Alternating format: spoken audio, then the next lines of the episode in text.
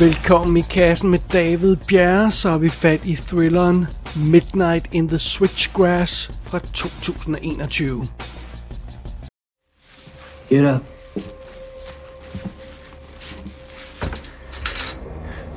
Wash your arms and legs off with a sponge.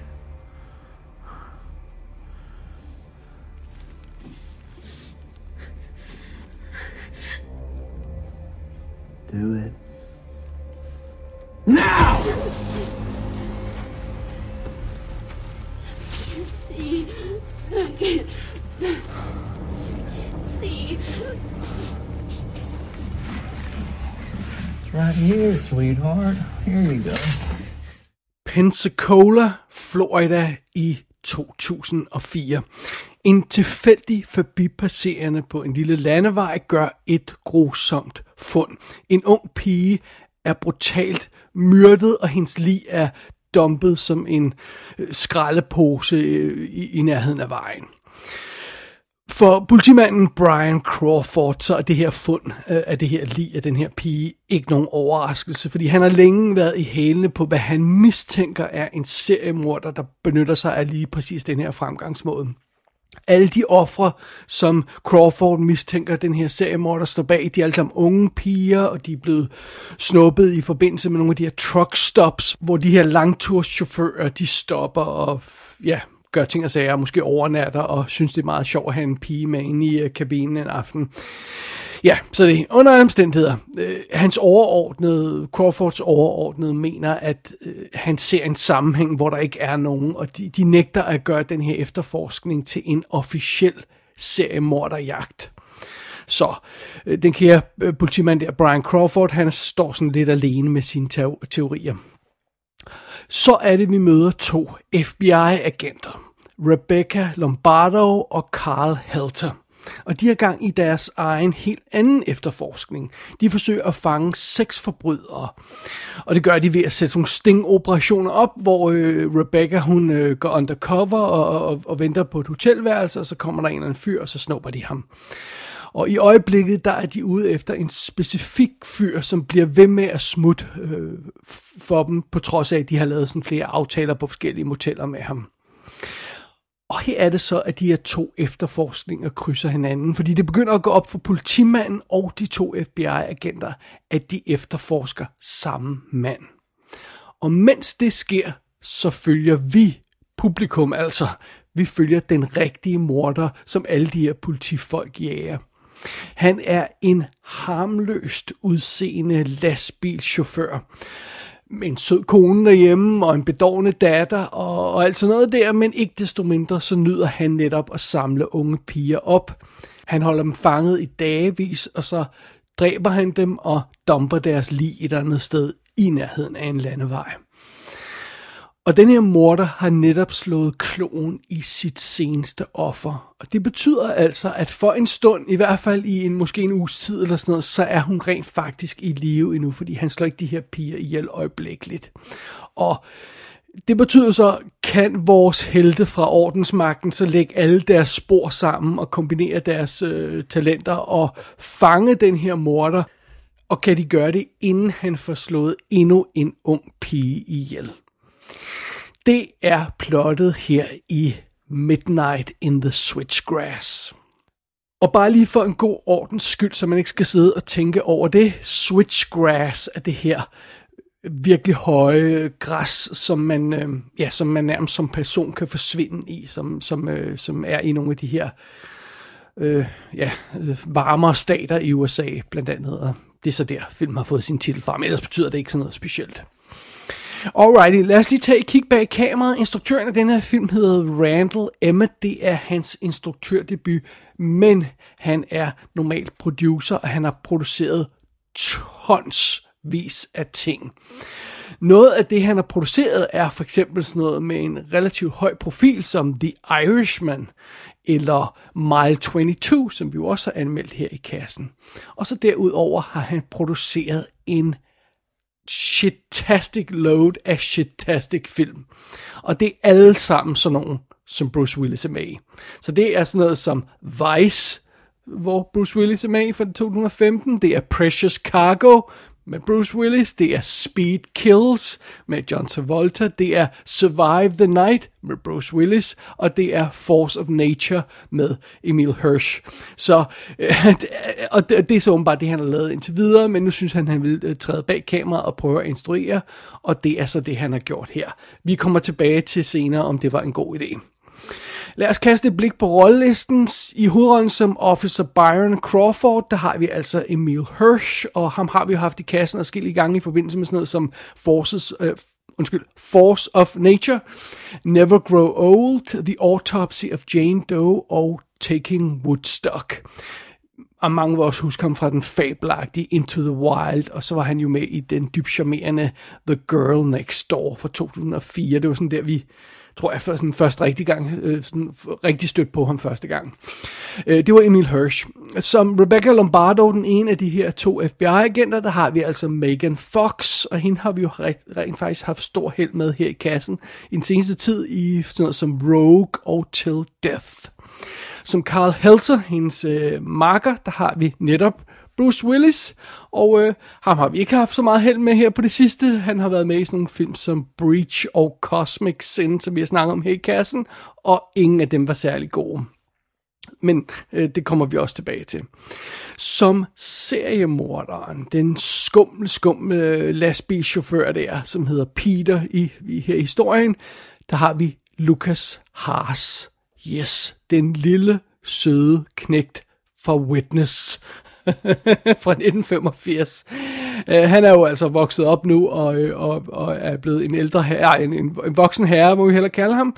Øh, vi, vi, har, vi har jo stødt på ham i adskillige film sådan op igennem hans karriere. Han var super cool i Brick fra 2005, øh, hvor han spillede en gangsterboss jo. Han var med i Inception. Vi har haft ham i kassen før i forbindelse med Dark Wars The Night, og øh, han var åbenbart også med i First Man som Mike Collins, men det må jeg det kan jeg faktisk ikke rigtig huske. Men så, i så tilfælde har vi haft ham i, i kassen et par gange. Men under alle omstændigheder, så er det altså Lucas Haas, der spiller seriemorderen i den her film. Det er lidt, lidt rystende, for han ligner stadig den lille knæk for Witness. Men øh, sådan er det. Øh, derudover så dukker Michael Beach op i en lille rolle. Det har nogle, de, de fleste måske vil huske fra Third Watch. Øh, og så har vi Welker White som en af de her øh, offres mor simpelthen en sørgende mor. Og det er hende folk nok bedst vil kunne huske som Louis Bird i Goodfellas. Hende, der smuler stoffer for Ray Liotta's karakter. Og hun var jo så, det var så Martin Scorsese film, og hun var jo så også med i The Irishman, som øh, Josephine øh, Hoffa. Og som hvad, øh, Jim Hoffas øh, kone, går jeg ud fra. Øh, men ja, det, jeg, det kan jeg ikke lige huske, hvad det var for. Men hun, det er en meget lille rolle i Irishman. Den var hun jo så også med i. Og det er jo så altså den selv samme uh, Irishman, som Randall Emmett, instruktøren, har produceret tidligere, så it's all connected, som vi plejer at se. Derudover så skal vi også lige have med på rollelisten en ganske kort øh, præstation fra Machine Gun Kelly, eller Colton Baker, som hans civile navn jo i virkeligheden er, så spiller Calvin the Pimp. Og øh, ham har vi haft i kassen adskillige gange før. Han var med i Nerve, Bird Box, Captive State og Project Power. Er et skarn, hvis jeg overhovedet ikke kan huske, at jeg har nævnt ham før, på trods af, at han har været fire gange med i kassen. Under omstændigheder, grunden til, at han er sjov her i denne her sammenhæng, det er, at det her, det var åbenbart filmen, hvor ham og Megan Fox mødtes og blev kærester på. Så det er jo ikke sådan vigtigt i, i forbindelse med filmen, men det er bare sådan en meget sjov lille detalje. Så det er rollelisten her i Midnight in the Switchgrass. Let me give you some background. A couple years ago, I got assigned two Jane Doe cases. Both drug-friendly truck stop prostitutes, both dumped off the I-10, both strangled, assaulted, bitten, and bodies suggestively staged in view from the highway. Now, Nobody wanted to touch it. Just just an impossible to get around. And then another body turned up. And then another. Until we had six. And a bona fide serial killer. Who worked that for the Bureau? A whip smart analyst with the State Bureau built a profile. FBI gave it to a behavioral specialist to confirm what we knew. White, mm. male, truck driver, mid 30s, but nothing groundbreaking. Some people, they just think that the girls, you know, the hookers and the druggies, they got what they had coming. What do you believe? Hard luck in life don't make you any less of a human. Everybody needs a chance to get back on their feet. Hvis jeg skal være helt ærlig, så har jeg faktisk gået og glædet mig en lille smule til at se den her film, Midnight in the Switchgrass. Og det har jeg altså gjort velvidende, at det jo sagtens kunne gå galt, og det her kunne vise sig at være endnu en af de her shitty direct-to-video uh, thrillers. Og, og, og ja, jeg ved jo, hvad jeg går ind til, men, men nogle gange så kan man jo ikke lade være alligevel med at gå og glæde sig lidt. For jeg synes også, at historien lød meget cool, og som jeg nævnte tidligere, Megan Fox har jo altså dukket op i et par gode film, der, øh, der, der gav mig lidt, øh, øh lidt, lidt positive tanker imod hende som skuespiller, og, og, og jeg håbede, at, at det kunne hun også vise noget, noget af i den her film, og jeg håbede, at den her film ville overraske og levere varen mod alle odds, må, må vi hellere konstatere. Well, desværre så må vi også konstatere, at øh, Midnight in the Switchgrass øh, det er desværre lige den film, jeg frygtede, det var. en, en direct-to-video thriller, der ikke er skide fantastisk. Men den har alligevel en snært af noget, der, der gør den en lille smule mere interessant end de fleste direct-to-video film. Faktisk starter den her film meget overbevisende. Jeg, jeg blev ret, faktisk ret positiv lige de indledende faser i filmen. Den har sådan en langsom, omhyggelig etablering af historien. Vi finder det første lig, det er den her øh, tilfældige gut, der falder over det her lige et sted, og så kommer den her garvede politimand, der efterforsker den her seriemorder, og der er sådan en sober, alvorlig stemning, der er rimelig effektiv i filmen, og, og så lidt senere øh, eller også er det næste scene allerede igen, der har filmen en virkelig stemme, stemningsfuld sekvens, fordi øh, den bruger Dire Straits øh, Brothers in Arms, eller rettere sagt det cover af den sang.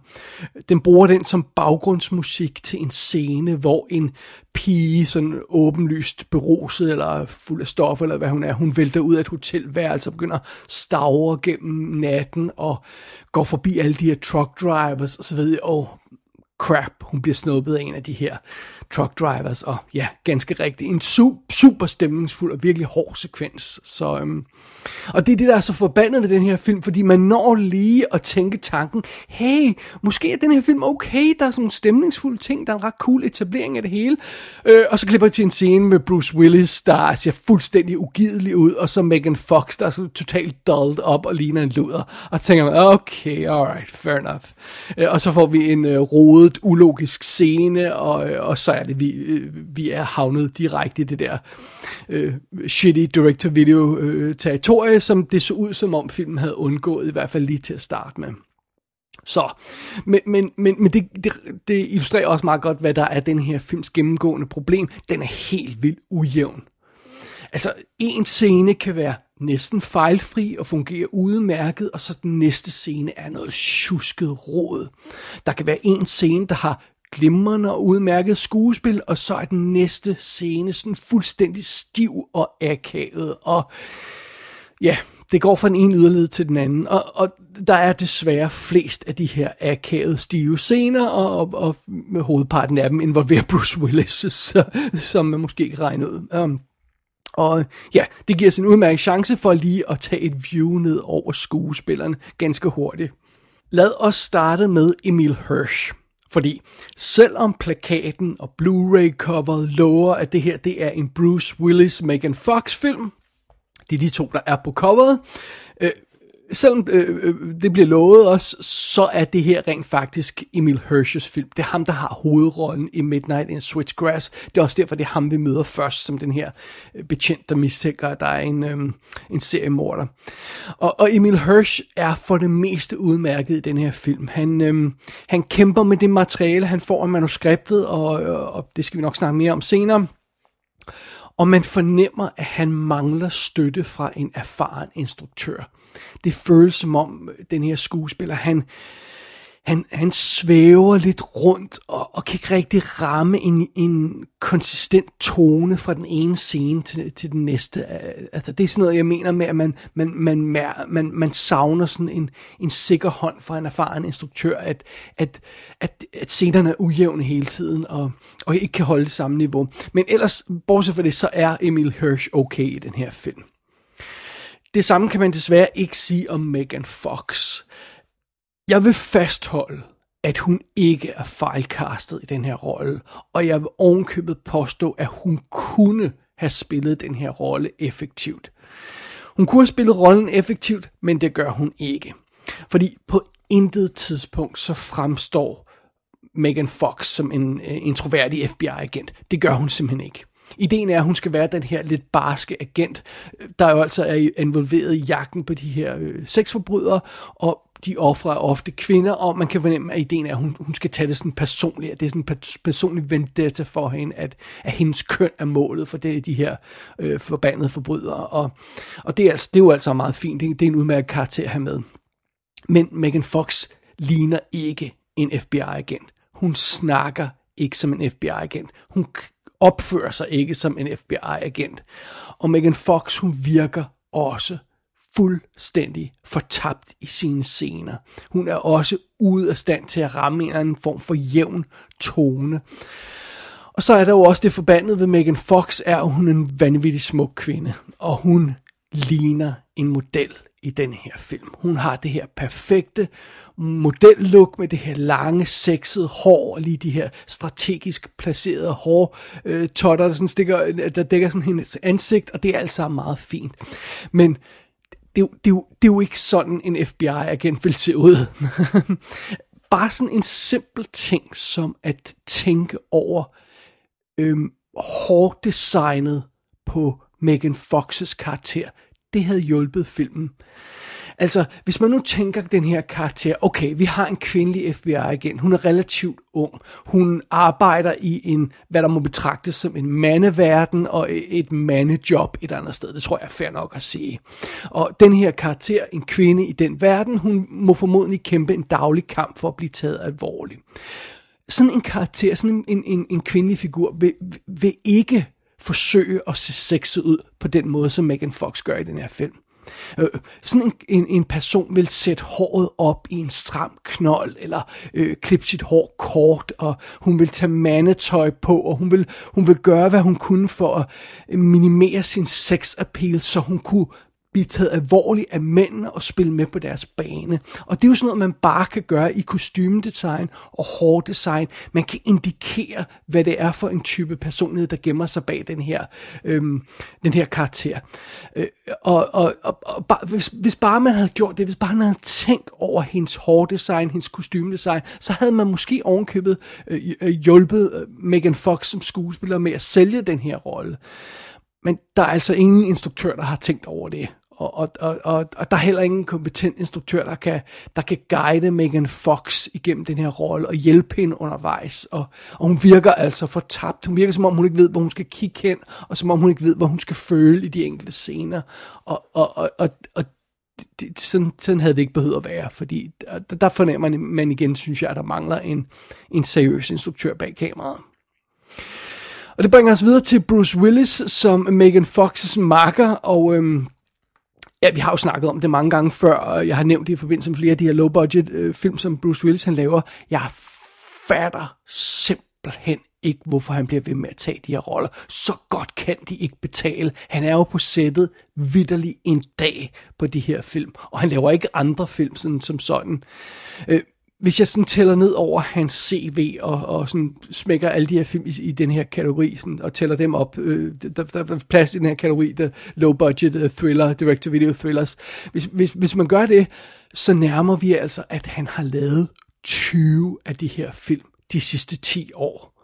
Og han har nærmest ikke lavet noget sådan altså, altså virkelig stort, der virkelig har battet i de sidste 10 år. Øh, og, og han har bare lavet de her, og der, der står 10 yderligere af den her type billige direct-to-video thrillers på hans CV, som sådan coming attractions, eller som in production eller pre-production. 10 yderligere. Altså, og i de fleste af de her øh, film, som, som Bruce Willis han dukker op i, så spiller han jo ligesom han gør her. Han virker simpelthen ikke som om, han er til stede i scenerne. Han virker ikke som om, han, han ved, hvad der foregår. Han sidder bare og stiger ud i luften i ingenting og, og, og, og fyrer mekanisk sine replikker af der, der er ingen varme, der er ingen charme, der er ingen indlevelse i hans præstation.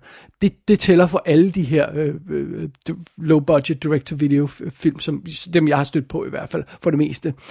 Øh, og altså, hvis jeg, nu ved jeg selvfølgelig, at film ikke har råd til det her, men jeg kan ikke lade være med nogle gange at tænke tanken, wow, gad vide, om han overhovedet har været på sættet, og de bare har greenscreenet ham ind i alle scenerne, uden han har været i nærheden af skuespilleren. Det, har, det er en film, som den er naturligvis ikke råd til, og de kunne heller ikke lave det så godt her.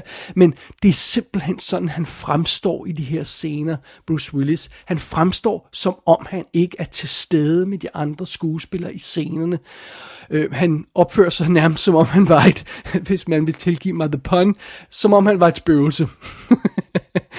og, og, og og han bliver ved med at lave de her film. Som sagt, han er oppe på 20, der kommer 10 til. Hvad fanden i helvede tænker han på? Hans legacy er jo totalt ødelagt på det her tidspunkt. Nå, men nu skal du ikke lyde sådan, som om det hele her er Bruce Willis' skyld. Det er heller ikke alle skuespillernes skyld. Det er heller ikke instruktørens skyld, det hele. Fordi der er altså også noget fundamentalt galt med manuskriptet til Midnight in the Switchgrass. Det er bare ikke godt. Altså overordnet set, så er historien i den her film jo sådan set fin. Altså rammen er fin, og, og grundhistorien fungerer sådan på papiret, øh, øh alt andet lige. Øh, men, men det er selve rejsen gennem den her historie, altså måden vi bevæger os fra scene til scene på, måden filmen den er struktureret på, det, det er det, der ikke fungerer, det er det, der er mangelfuldt. Øh, den her film, den mangler skarphed, den mangler fokus. Der er jo altså en ung kvindes liv på spil her, øh, i noget af tiden i hvert fald. Der er sådan et tækkende ur, der skal, der skal fortælle os, at vi er altså ved at løbe tør for tid. Den her kvinde kan blive myrdet, når det skal være, og det kan man slet ikke mærke på filmen. Den chokker bare sådan dovent afsted. Der er ikke rigtig nogen former for energi eller desperation i det meste af filmen i hvert fald. Der er nogle få momenter, hvor, hvor, hvor det dukker op til overfladen. Øhm, og så får filmen aldrig den her sådan treenighed til at fungere. Altså ideen er jo lidt, at vi har den her morder, vi har den mandlige betjent, der jager morderen, fordi det er den rigtige ting at gøre. Det, han, han er en righteous cop, han er ovenkøbet religiøs og sådan noget, så han, man fornemmer, at det, her, det er hans calling, han skal øh, fange den her morder, fordi it's the right thing to do. Øh, og så er der den kvindelige FBI-agent, der, man, som fornemmer, man fornemmer mere jager det her, de her morder, de her sexforbrydere, fordi hun er pissed off. Og det er, meget, det er en meget god treenighed at have den her dedicated cop, og den her FBI-agent, og så den her morder. Øh, øh, men de her tre dele af historien, de hakker bare der af. Og hvis man undrer sig over, hvorfor jeg stiller en treenighed op, så hvis jeg ikke lige fik sagt det, så ryger Bruce Willis relativt hurtigt ud af historien. Han er nærmest ikke med. men, men sådan er det. Anyway, øh, altså de her tre dele af historien, de hakker sådan underligt derud af, og vi får aldrig følelsen af, at der bliver sådan opbygget et, et drama, der sådan intensiveres, og, og at nettet strammer, og deadline nærmer sig, og det hele sådan kører op i en spids. Det får vi aldrig rigtig fornemmelsen af på, et, på, på en ordentlig måde i hvert fald. Og derudover så er der også nogle andre ting, manuskriptet gør forkert. Der er mange dele af historien, der er dårligt kommunikeret. Jeg tror i hvert fald, det manuskriptet. Det kan selvfølgelig også være, det instruktionen eller i postproduktionen, det er gået galt. Men, men, men lad os nu sige, det er manuskriptet. Øh, altså for eksempel det her med, at der er ingen, der tror på, at det er en seriemorder, der er på spil. Hvorfor ikke? Altså, en række kvinder bliver, bliver fundet myrdet på relativt samme måde. Øh, øh, øh, altså, det er da ikke usandsynligt, at der skulle være en seriemorder øh, på, på de her landeveje, der, der benytter sig af samme toget. Hvorfor, hvor, hvorfor har, har den her politimand problemer med at overbevise sin overordnede, om i det mindste ikke bare at tjekke sådan for, forbindelsen ud mellem de her lige? Altså, det, det, det er sådan bare en af de mange ting, som filmen bare sådan slynger ud, uden at komme med sådan overbevisende argumenter for, hvorfor det er sådan, det forholder sig. Øh, og undervejs er der, er der flere og flere scener, som, som, som vi bliver præsenteret for, der, øhm, der også er ulogisk, eller bare virker som det rene frøvl. Og ja, igen, jeg ved ikke, om det er manuskriptet eller instruktørens øh, skyld, eller en kombination af det, men, men, men det er i hvert fald... Ja, det, det er noget frøvl. Altså, bare tag sådan en scene, som, øh, øh, hvor Emil Hirsch, han skal hjælpe en kollega. Så han ræser hjem for at åbne sin, sin gemmer og hive to pistoler frem, fordi nu skal han ud og redde den her kollega. Men han har allerede en pistol, som vi lige så ham gå rundt med og og senere, når vi ser ham i filmen, så har han ikke de der ekstra pistoler, han skulle ræse hjem for at finde. Så hvad var det egentlig, der skete der? Hvorfor skulle han ræse hjem og hente de her pistoler? Han har en pistol i hånden. Og, altså, det er sådan noget, der ikke giver mening, hvor man tænker, hvad, hvad, hvad, hvad, hvad har de egentlig tænkt på der? Der er også en scene, hvor Megan Fox, hun øh, åbenbart øh, pludselig har fået noget øh, bedøvende middel i en bar. Og øh, det er sådan en potentiel øh, dramatisk og farlig situation, fordi hun er jo altså undercover, og, og, og hvis hun ikke kan, kan styre situationen, så kan, hun, så kan det gå rigtig, rigtig galt. Øh, men filmen glemmer sådan bare lige at vise, hvornår og hvordan hun er blevet bedøvet. Jeg måtte simpelthen sidde og se den scene igen og tænke, hvor er det moment, hvor der kom, bliver kommet noget i hendes drink? Det er der ikke. Øh, og, det, og det er sådan nogle ting, altså, så ja, øh, øh, for at vende tilbage til pointen fra tidligere, Midnight in Switchgrass, den er altså præcis det, jeg, jeg frygtede den var. Det den så ud til at være fra start, sådan en ineffektivt, ineffektiv, ujævn, tjusket direct-to-video øh, thriller. Og øh, jeg vil altså våge den påstand, også grundet det med, at jeg synes, historien lød cool. Jeg vil våge den påstand, at det behøvede ikke at være sådan. Der er en historie i denne her film, der kunne have virket. Um, Stacy, she told me to come see you, like, about a job or something. Fuck is Stacy? You gotta be the stupidest motherfucker in all of Pensacola. I thought you'd be long gone by now. What the fuck, lady? I'm only gonna ask you this one fucking time. Who did you send away Thursday night? What? You said you sent my date packing Thursday. Who was he? The fuck if I know I was high, man. How many girls' lives could I save right now? All right, he was a truck driver who's been around a couple times. That's all I know. All right, I, I went up to him, asked him what the fuck was up, and he pulled off quick. Big Dallas told me he had some new girl in 106, so I went up to see who it was. And you know what the fuck What does he look like? A white truck driver. Who does he drive for? fuck should I know? Fucking think you tweak. Oh, okay, I, I had someone point him out. He, he tried to cuff one of my girls. That's it. Lightning bolt. He had a lightning bolt on his truck. Og det er jo så på det her tidspunkt, at vi hiver fat i det, der burde være den her films trumfkort. Den modbydelige seriemorder, der jager de her unge piger og, og gør slemme ting ved dem og myrder dem. Well, det viser sig, at denne her morder i den her film er en rigtig person. Fordi Midnight in the Switchgrass er faktisk delvis baseret på øh, den morder, der hedder The Truck Stop Killer. Robert Ben Rhodes, som hervede i USA naturligvis i sådan cirka 1975 til 1990. Øh, øh, det er en rigtig morder. Altså, øh, i 1990, så, så, så løb han tør for held, og så blev han fanget, og han blev dømt til livstid for, nogle, for et af de her mor, man kunne pinde på ham, og så blev han dømt for noget flere mor senere og sådan noget. Og han er stadig i live. Han sidder simpelthen øh, i fængsel på livstid i øjeblikket i USA. Han er 75 år, tror jeg, var, noget i den stil. så det, det er en rigtig morder og en rigtig sag, som den her film baserer sig på. Men hvis jeg ikke fik nævnt det ordentligt, Midnight in the Switchgrass er delvist baseret på den her morder. Og det kunne også klare nogle af de her problemer, som filmen løber ind i. Yderligere problemer, som filmen løber ind i. Fordi hvis man bare havde taget den her morders historie, så havde filmen jo været slam dunk, fordi det skete i virkeligheden, og det er super grumt, og det er vildt fedt. Øh, det øh, en vildt fed historie at fortælle på en film, men, men, men, øh, men det nægter den her film af en eller anden grund at gøre. Den, den nægter at holde sig til, til den rigtige historie, så, så der kommer en hel masse råd ind i portrættet af den her morder. Øh, for eksempel så får den her film ikke forklaret ordentligt, hvad lastbilchauffør morderen gør i den her film. Altså, han holder en pige fanget i sin lade, ser vi. Og så pludselig går han til et hotel, og improviseret, så dræber han en anden pige på en ny måde. Og det er bare sådan, Nå, det er forskellige måder, det der er det underlige. Hvad, hvad, og hvad er det egentlig, han får ud af de der mor? Fordi øhm, film er sådan en underlig sky, når det gælder, øh, altså, for hans seksuel tilfredsstillelse af de her mor? Det er der noget, der tyder på, men og så alligevel ikke. Øh, Øh, I en scene, der sidder han sådan seksuelt opstemt og, og sniffer til en myrdet piges tøj. Øh, men i en anden scene, så dræber han en, en, en, en, en ung pige hurtigt, uden overhovedet at nå frem til noget som helst seksuelt. Der virker det som om, det er selve drabet, der, der, der, der, der, der er kernen til det her, og, og øh, den, altså den rigtige morder voldtog sin offer i, i, i, en, øh, i dagevis.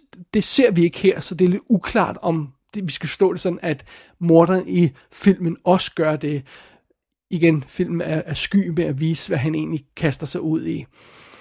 Øh, og jeg indrømmer blankt, at alt hvad jeg ved om seriemorder, det ved jeg fra andre film, så det kan godt være, at jeg ikke har styr på det. Men jeg troede egentlig, at seriemorder sådan var relativt konsekvente i deres metoder, sådan for det meste i hvert fald. Der er selvfølgelig altid undtagelser, der bekræfter reglen, men, men øhm, og plejer man ikke også at sige, at det ofte er sådan ener, der, der, der, der finder på at være de her seriemordere?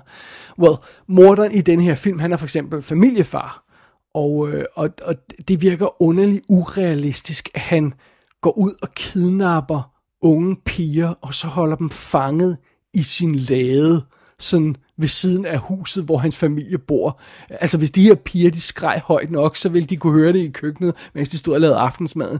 Det, det virker det virker helt vildt underligt og urealistisk. Altså, virkelighedens truck stop killer, han, han var faktisk også familiefar, så de, okay, fair nok, det går mod, hvad jeg, hvad jeg ved fra filmens verden, men fair nok den måde, han gjorde det på, det var, at han jo var øh, øh, øh, langturschauffør, så, så han havde jo den her kæmpe øh, lastbil, og han havde det her, den her sovekabine i, bagerst i, i, sin, i, sin, øh, i sin lastbil, som man, den kender sådan, så at de kan overnatte undervejs, de her lastbilchauffører, og at han havde altså indrettet den her sovekabine i sin lastbil til et torturkammer, til sådan en fangekælder nærmest, med, med, med alle mulige øh, grumme ting, og, og det var så det, han gjorde undervejs. Han, han kidnappede pigerne, og så holdt han dem i fanget i sin lastbil.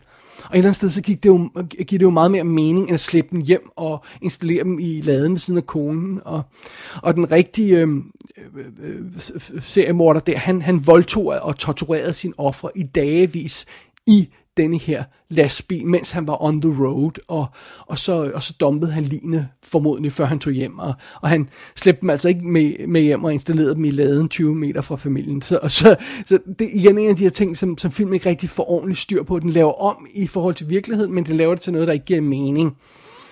Øh, og, og jeg forstår ikke rigtig, hvorfor man har gjort det, fordi den, den virkelige historie om den her truck stop killer er så grum, hvis man læser op på den. Og Hvorfor ikke bruge den? Altså, øh, hvorfor, hvorfor lave den om til noget, der er mindre effektivt? Altså, en ting er, at, at man måske kan bruge øh, virkelighedens historie en til en, at man bliver til at ændre på nogle detaljer, men det er jo ikke det, den her film gør. Den ændrer på nogle radikale ting, som bare ikke giver mening, og det, så den ødelægger det hele for sig selv. Altså, den har en grum historie, øh, som, som den kan bygge sin, sin, sin, sin seriemorder på, og så nægter den at bruge det ordentligt.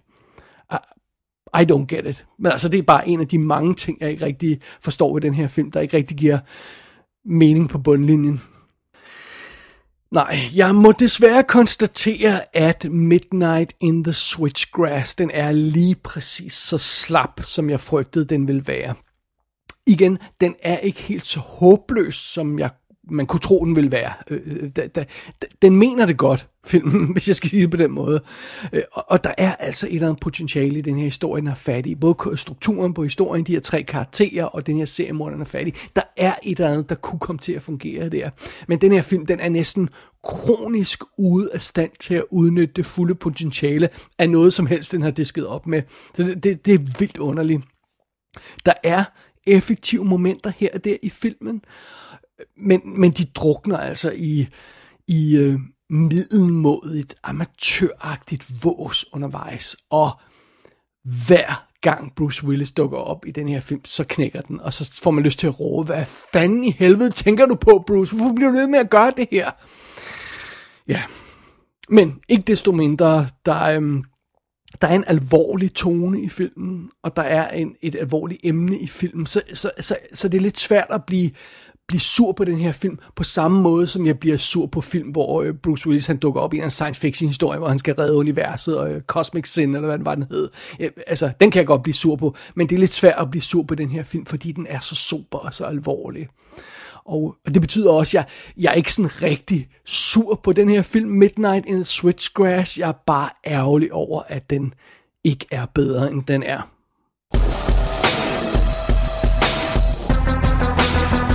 Midnight in the Switchgrass kan ses på VOD. Den er ude på DVD og Blu-ray i USA og DVD i England.